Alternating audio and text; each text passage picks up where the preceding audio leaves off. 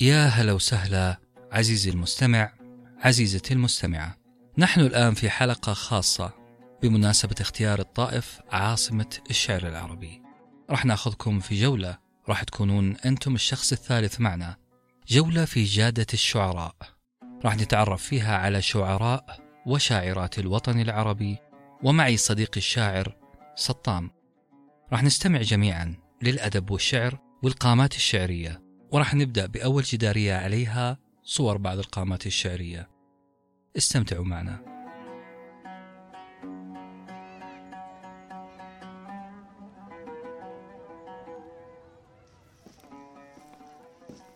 سطام شوف الصورة الأولى في الجدارية الأولى في جادة الشعر. وأنا طالع في غازي القصيبي. أتذكر البيت الشعري الرهيب اللي يقول وما من كاتب إلا سيفنى ويبقي الدهر ما كتبت يداه. كيف كل شاعر يقدر يترك أثر كبير وعميق بعد مماته بتلاعبه الرهيب بالثمان وعشرين حرف فقط؟ يا هلا وسهلا يا أبو خالد. أنا مبسوط إني أرافقك في هذه الجادة ونتعرف على شعراء وقامات مثل ما سبق وقلت. فعلا كيف قدر غازي القصيبي؟ الله يرحمه يتلاعب بالثمانية وعشرين حرف بشكل بليغ وعميق خاصة يوم قال لا تسألي الركب بعد الفجر هل آبوا الركب عاد وما في الركب أصحاب. تفرقوا في دروب الأرض وانتثروا كأنه لم يكن عهد وأحباب. الله أنا أشعر أنه غازي القصيبي فعلا كأنه حاز الدنيا بأسرها. ما في مجال إلا وبرع فيه شاعر وأديب ودبلوماسي ووزير وسفير كمان. يا أخي سفير بالمعنى الحرفي. لا وكمان سفير للأدب والفن والشعر. وترى شخصيته العصامية والقيادية والتربوية خلته من أكثر الأشخاص تأثيرا. يمكن لكونه شغل عدد من الوظائف المهمة في الدولة؟ يا أخي أشكر مدينة الأحساء الراقية اللي طلعت لنا غازي القصيبي وغيره من المبدعين. آه، هو مات في عام 2010 بعمر يناهز السبعين ولكن أبقى الدهر ما كتبت يداه. أنا تمنيت لو حضرت له هالمحاضرة اللي ألقاها بنادي الطائف الأدبي عام 1396 تحدث فيها عن مكانة الشعر في القرن العشرين بطريقة عرض رهيبة بالغة في الأدب. يا أخي على طاري الطائف. آه، إذا تكلمنا عن مدينة الطائف وأهلها ما ننسى سيد البيد محمد الثبيتي آه، اللي هو هذا صاحب الصورة الثانية شاعر عكاظ يعد من أبرز أدباء الحداثة. أكيد تعرفه يا أبو خالد. وهل يخفى القمر؟ مو هو اللي يقول أدر مهجة الصبح صب لنا وطنا في الكؤوس يدير الرؤوس وزدنا من الشاذلية حتى تفيء السحابة.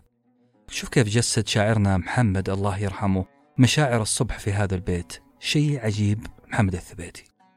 ترى ما هو غريب على الطائف هذا الإبداع صراحة. وعلى ذكرك لمحمد يا أنس أنا تذكرت أحمد أحمد الغزاوي. تعال تعال تعال معي الصورة الثالثة هذه. يا أخي الإنسان اللي خلى قلبه ينطق بأشعاره بدل لسانه. اسمع اسمع. أبياته هذه كان يخاطب فيها قلبه ووطنه. اللي يقول يا بلادي وأمتي وهنائي وعزائي وقبلتي واعتقادي ونعيمي وشقوتي وعيوني وشجوني وطار في بلادي انظر الناس كيف كانوا حيارى حينما كنت كوثر الوراد. يا عيني يا سطام يا عيني. عاد شاعرنا أحمد تميز بالأسلوب السهل البسيط. ما كان يستخدم ألفاظ معقدة أو صعبة وكان بارز أيضا في الشعر الديني. وش أكثر فخر من أن الواحد يحوز على لقب الشاعر الخاص للملك عبد العزيز رحمة الله عليه؟ طيب يا أبو خالد أنا بحكم أني شاعر نبطي. تعال معي للشعر النبطي في الجدارية هذه اللي بعدها.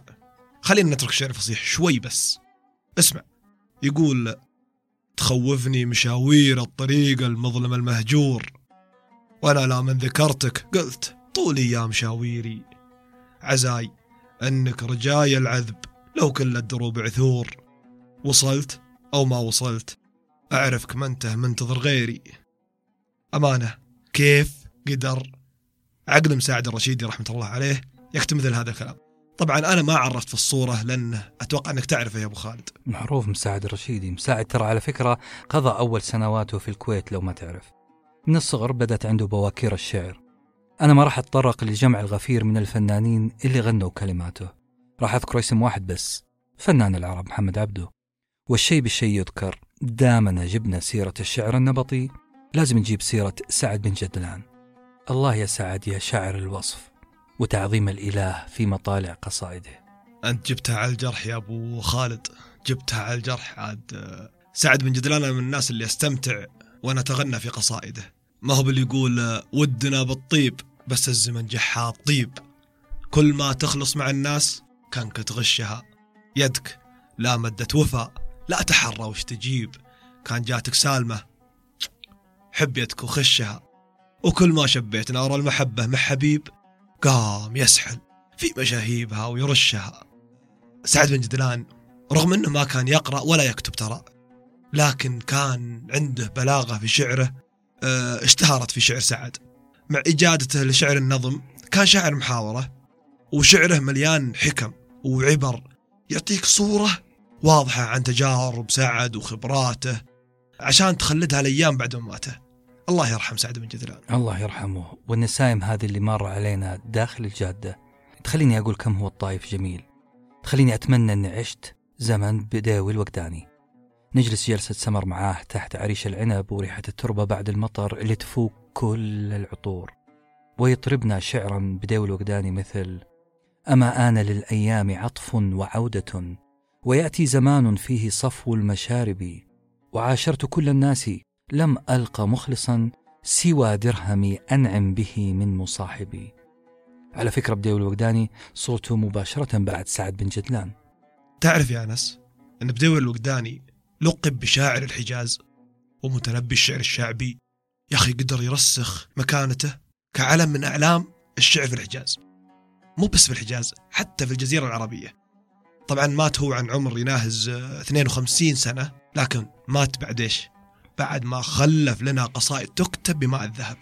الله عليك. طب تعال معي الجدارية الثالثة. شوف هذه المجموعة من الشعراء هي المفضلة بالنسبة لي. ومستحيل أمل من سماع قصائدهم لدرجة أني أشغلها قبل النوم لين صرت أحفظ بعضها. صم اسمع مثلا معي قصيدة الأمير محمد بن عبد الله الفيصل صاحب الصورة الأولى في الجدارية الثالثة. الشاعر ورجل الاقتصاد اللي درس في مدينة الطائف الابتدائي والمتوسط. يقول ما عندي استعداد أسمع كلام حساد وعذولي مهما يقول عمره الحكي ما فاد. طبيعي بديهيا كيف ما يكون شاعر وهو ابن شاعر؟ اللي هو والده الأمير عبد الله الفيصل رحمة الله عليه شاعر كبير وعذب. ناظر في الصورة الثانية. هذا هو اللي يلبس العقال المقصب. الأمير عبد الله مولود في مدينة الرياض وهو الابن البكر للملك فيصل رحمة الله عليهم. طبعا استلم عدة مناصب في عهد الملك عبد العزيز ويعد من أهم فرسان القصيده العربية في عصر الرومانسية. ما هو اللي يقول ما كنت أؤمن بالعيون وفعلها حتى دهتني في الهوى عيناك. طب اسمع معي هذه القصيدة للأمير خالد الفيصل دايم السيف صاحب الصورة اللي بعدها على طول. الأمير والشاعر والأديب والفنان. هو يقول في عيني اليمنى من الورد بستان وفي عيني اليسرى عجاج السنين ذكرني يا سطام إذا مشينا من الجادة شغلها لك بصوت محمد عبده. أنا هنا بين نارين أنا ودي أستعجل أن نروح نسمع الأغنية ونمسك الخط. وبين أني أكمل المتعة اللي أنا فيها الآن خاصة أني الآن واقف أمام صورة شاعر عظيم جدا اللي هو الأمير بدر بن عبد المحسن بدر عبد المحسن مهندس الكلمة. جمعت كلماته في الغزل والفخر والرثاء والواقع الاجتماعي للمملكة وللعالم العربي بكافة يعني. ما أنسى قصيدته اللي يقول آه، صحيح إني أنسى الحوادث والملامح والأسامي لما أكتب عن غرامي شعر أبعد ما يكون عن مجرد جرح دامي. الله كذا سطام إحنا أنهينا الجدارية الثالثة وبندخل على الرابعة. وهذه صورة الشاعر عبد الله بن خميس. أوه هذا الجدار بالذات. حرك الذكريات عندي لما كنا نجلس عند جدي الله يرحمه ويعطينا من قصائد الشاعر عبد الله بن خميس. واحدة منها كان يمدح الملك عبد العزيز رحمة الله عليه ويقول وتاهت بك الدنيا زهاء وأقبلت. يغص بها سهل الطريق ووعره. ونادى المنادي عند رؤياك قائلا تبدى لنا من ظلمة الليل فجره.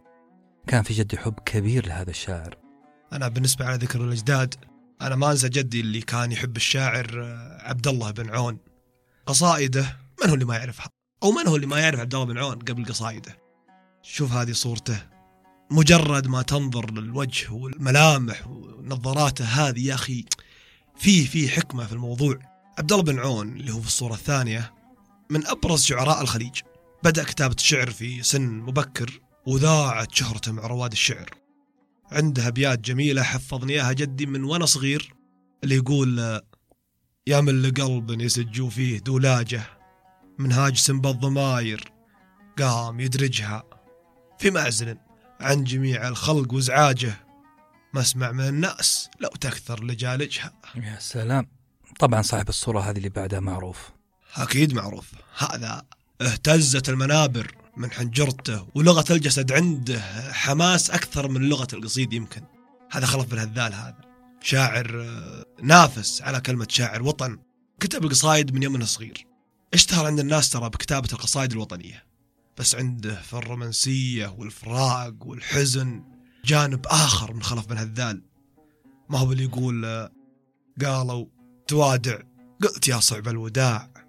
وشلون اوادع من معه قلبي وديع.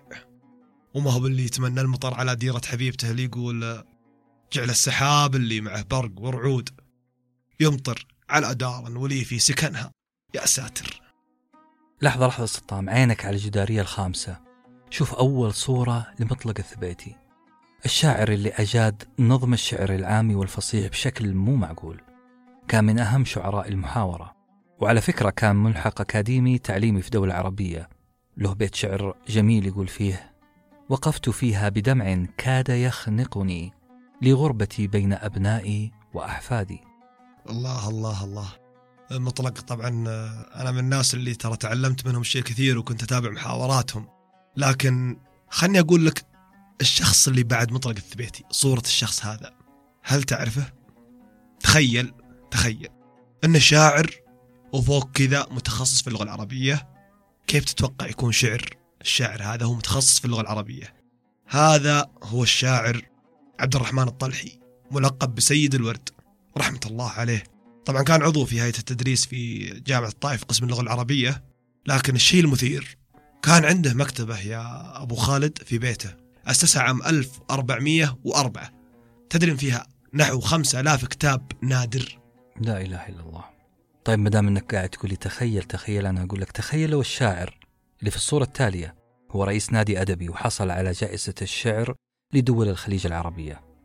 طبعا الأديب والشاعر عبد الله بن إدريس اللي قال في قصيدة شهيرة له: رباه بلغ بالسلامة زورق الحلم الجميل فهنا أعاصير الشقاء تفوح من خلف الأصيل. تعال سطام في الجدارية السادسة خلينا نشوف الصورة اللي بعدها. هذا الشخص أنا أعشقه. الشاعر اللي تخصصه هندسة لكنه مولع بالشعر جدا فهندس شعره. جاسم الصحيح ما غيره. ملك التناص اللي يقول بملعقة من القلق المحلى أحرك في دمي ضجرا مملا. وعنده بيت أعتقد أعتقد الجميع يعرف يقول فيه وكل النساء أحاديث بلا سند وأنت أنت حديث لابن عباسي. طبعا هنا وصلنا عاد للشاعرات هنا أنا بتكلم. ثريا العريض. هذه الأديبة اللي طبعا صورتها بعد جاسم صحيح على طول. اسمع وش تقول بس. تقول وما ننتظر توقف هذا الزمان فلا هو ليل ليتلوه صبح ولا هو صبح يبشر طالعه بالنهار. وعندك بعدها أحمد الصالح الملقب بالمسافر. أحمد الصالح مولود بعنيزة في القصيم اللي كتب قصيدة تنضح عذوبة يقول فيها تتساءلين وأنت بين جوانحي قلب يضج بثورتي وولوعي. طيب خلنا قبل ما نلف يسار اللي هو مفترق الطرق على قولتهم الجدارية السابعة أه سعد الحميدين سعد الحميدين ما هو بس شاعر لا أه شاعر وصحفي سعودي ولد هنا عندنا في الطائف وكذلك نشأ فيها. ما سمعته يوم يقول وتعثرت خطوات رمش العين في قلب السحاب وتشك في طرقاتها حفرا من الآهات. الله عليك بانتقاءاتك طب اسمع معي الشاعرة الجميلة فوزية أبو خالد اللي صورتها بعد صورة سعد الحميدين على طول. الشاعرة والكاتبة السعودية اللي قالت أحب هذا الحرير الحارق كلما تدفقت قدماها في جوفي تغسل عني وصمة الجماد. دقيقة دقيقة دقيقة دقيقة. حنا الآن يا أبو خالد بنسافر بنسافر في الوطن العربي من هنا مع الجادة هذه. خلنا نروح أول شيء لأم الدنيا مصر. ونبتدي من الشاعر والناقد المصري أحمد عبد المعطي حجازي. طبعا أحمد عبد المعطي اللي قال عندما أبدعني الغور السحيق من فنون الليل والصمت العميق طوحت بي كفه فوق طريق ضائع النجمة مجهول الرفيق. أجل يا سطام أنا بنقلك من مصر إلى السودان. تعال تشوف معي الصورة اللي بعدها على طول. وتعال أسمع معي شعراء السودان. بالتحديد الشاعر محمد عبد الباري اللي قال النهارات بنت عينيك لكن مسجدي يرفع القصيدة ليلى. طيب أنا بأخذك الآن بحكم أني وصلت العراق. تعال معي للشاعر العراقي اللي هنا. طبعا العراق أهلها أهل الحضارة والأدب. شايف صورة عارف الساعدي؟ أنا أحفظ له بيت اللي يقول آت إلي وإن لف السنين كرى وإن غفى هاجسي في الريح أو عثرا. فعلا أهل الحضارة والأدب. خلينا نشوف الجدارية اللي بعدها. تعال هنا برضو شاعر العراق محمد مهدي الجواهري اللي يعد من أفضل شعراء العرب في العصر الحديث واللي يقول حقا أقول وما الحمام بتاركي إني على كره الردى مجبول. يا أخي أنا هنا جيت للشاعر اليمني. شوف شوف الصورة هذه اللي بعد الجواهري. هذا الشاعر اليمني من أرض اليمن أرض الحكمة والفصاحة. الشاعر عبد الله البردوني الناقد الأدبي والمؤرخ اللي كتب من أرض بلقيس هذا اللحن والوتر من جوها هذه الأنسام والسحر. رائع عبد الله البردوني. أجل شوف الصورة اللي بعدها. خلينا نرجع مصر مرة ثانية. مع الشاعر المتميز محمود سامي البارودي. هذا هو رائد مدرسة الإحياء اللي تأثر بأبو تمام والمتنبي وكتب قصيدة رائعة قال فيها أسير على نهج الوفاء سجية وكل امرئ في الناس يجري على الأصل. طيب يا أبو خالد أنا قبل أنتقل للجدارية اللي بعدها خليني بسألك سؤال. هل فيه أفضل من شاعر كتب قصيدة كاملة في مدح اللغة العربية؟ والله اللي يمدح اللغة العربية هو أصنفه أحسن شاعر. طيب تعال معي الجدارية اللي بعدها. خلني أعرفك على شاعر كتب قصيدة كاملة في مدح اللغة العربية. هذا الشاعر حافظ إبراهيم. لقبه أحمد شوقي بشاعر النيل. وحافظ إبراهيم هو اللي يقول على لسان اللغة العربية أنا البحر في أحشائه الدر كامن فهل سألوا الغواص عن صدفاتي؟ على فكرة السطام برغم شهادة أحمد شوقي لحافظ إبراهيم إلا أنه كان يتنافس معه في الشعر أعتقد كلنا عارفين ذا الشيء. عاد أحمد شوقي أمير الشعراء اللي قال في قصيدة شهيرة له إنما الأمم الأخلاق ما بقيت فإنهم ذهبت أخلاقهم ذهبوا. الله الله الله الله عليك يا أحمد شوقي والله عليك كذلك يا أبو خالد. تعال تعال شوف الصورة اللي بعد أحمد شوقي. أيوة أيوة. هذا إبراهيم ناجي. هذا الشاعر المصري المنتمي لمدرسة أبولو. كتب مرة قال طابت بك الأيام وفرحتاه. أنت الأماني والغنى والحياة.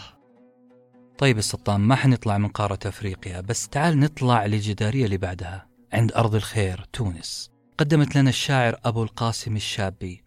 هذا صاحب الشعر الطويل اللي قال في قصيدة جميلة له ما كلما بل ربما عبث البكاء بدموع عينك من بكاء حمامي. دقيقة أنا ما ودي أتكلم كثير لكن شوف الصورة هذه اللي في النص. أيوة أبو نظارات هذا. هذا الشاعر الفلسطيني محمود درويش. أنا ما تركت له قصيدة إلا سمعتها ويمكن بعد حفظتها. بذكرك في البيت اللي قال فيه لم يكن كافيا أن نكون معا. لنكون معا. كان ينقصنا حاضر لنرى أين نحن. لنذهب كما نحن. يا عيني. طب تعال معي للصورة اللي بعدها وهنا أنا مضطر أقول لبنان يا لبنان منبع الأدب والشعر. كيف نقدر ننسى إيليا أبو ماضي؟ الشاعر اللبناني اللي كان أبرز شعراء المهجر في بداية القرن العشرين. يكفيك إبداعه في هذا البيت اللي قال فيه. يا نفس هذا منزل الأحباب فانسي عذابك في النوى وعذابي وتهللي كالفجر في هذا الحمى وتألقي كالخمر في الأكواب. في آخر جدارية واضح أنهم كلهم شاعرات. لكن خلينا نبدأ مع الشاعرة العمانية عائشة السيفي. كتبت قصيدة رهيبة مرة. كان مطلعها أعزيك يا صاحبي. هل أخذت من الموت ما تشتهي؟ وبعثت إلى الشعر ما يشتهي. يا الله. طب شوف الصورة اللي بعدها. صاحبة اسم مميز وشكل مميز وشعر ملائكي. اللي وافق اسمها. نازك الملائكة. الشاعرة العراقية اللي كتبت مرة ستمضي السنين. لماذا أحس الأسى والضجر؟ وكفث المطر تلف على عنق المختنق حبال الفكر. وخاتمة الجداريات هذه كلها اللي مشينا فيها مسك وهي مسك الشعر الحر اللي هي الشاعرة الكويتية سعاد الصباح سعاد الصباح اللي تقول قل لي هل أحببت امرأة قبلي؟ تفقد حين تكون بحالة حب النور العقل. الله الله الله. أنا كنت أعرف أنك شاعر يا سطام لكن ما كنت أدري أنك ملم بكل هذه المعلومات عن شعراء العرب. طبيعي يا أبو خالد الشعر العربي واللغة العربية بشكل عام أبغى أختصرها في بيتين لغتي وأفخر إذ بليت بحبها فهي الجمال وفصلها التبيان عربية لا شك أن بيانها متبسم في ثغره القرآن.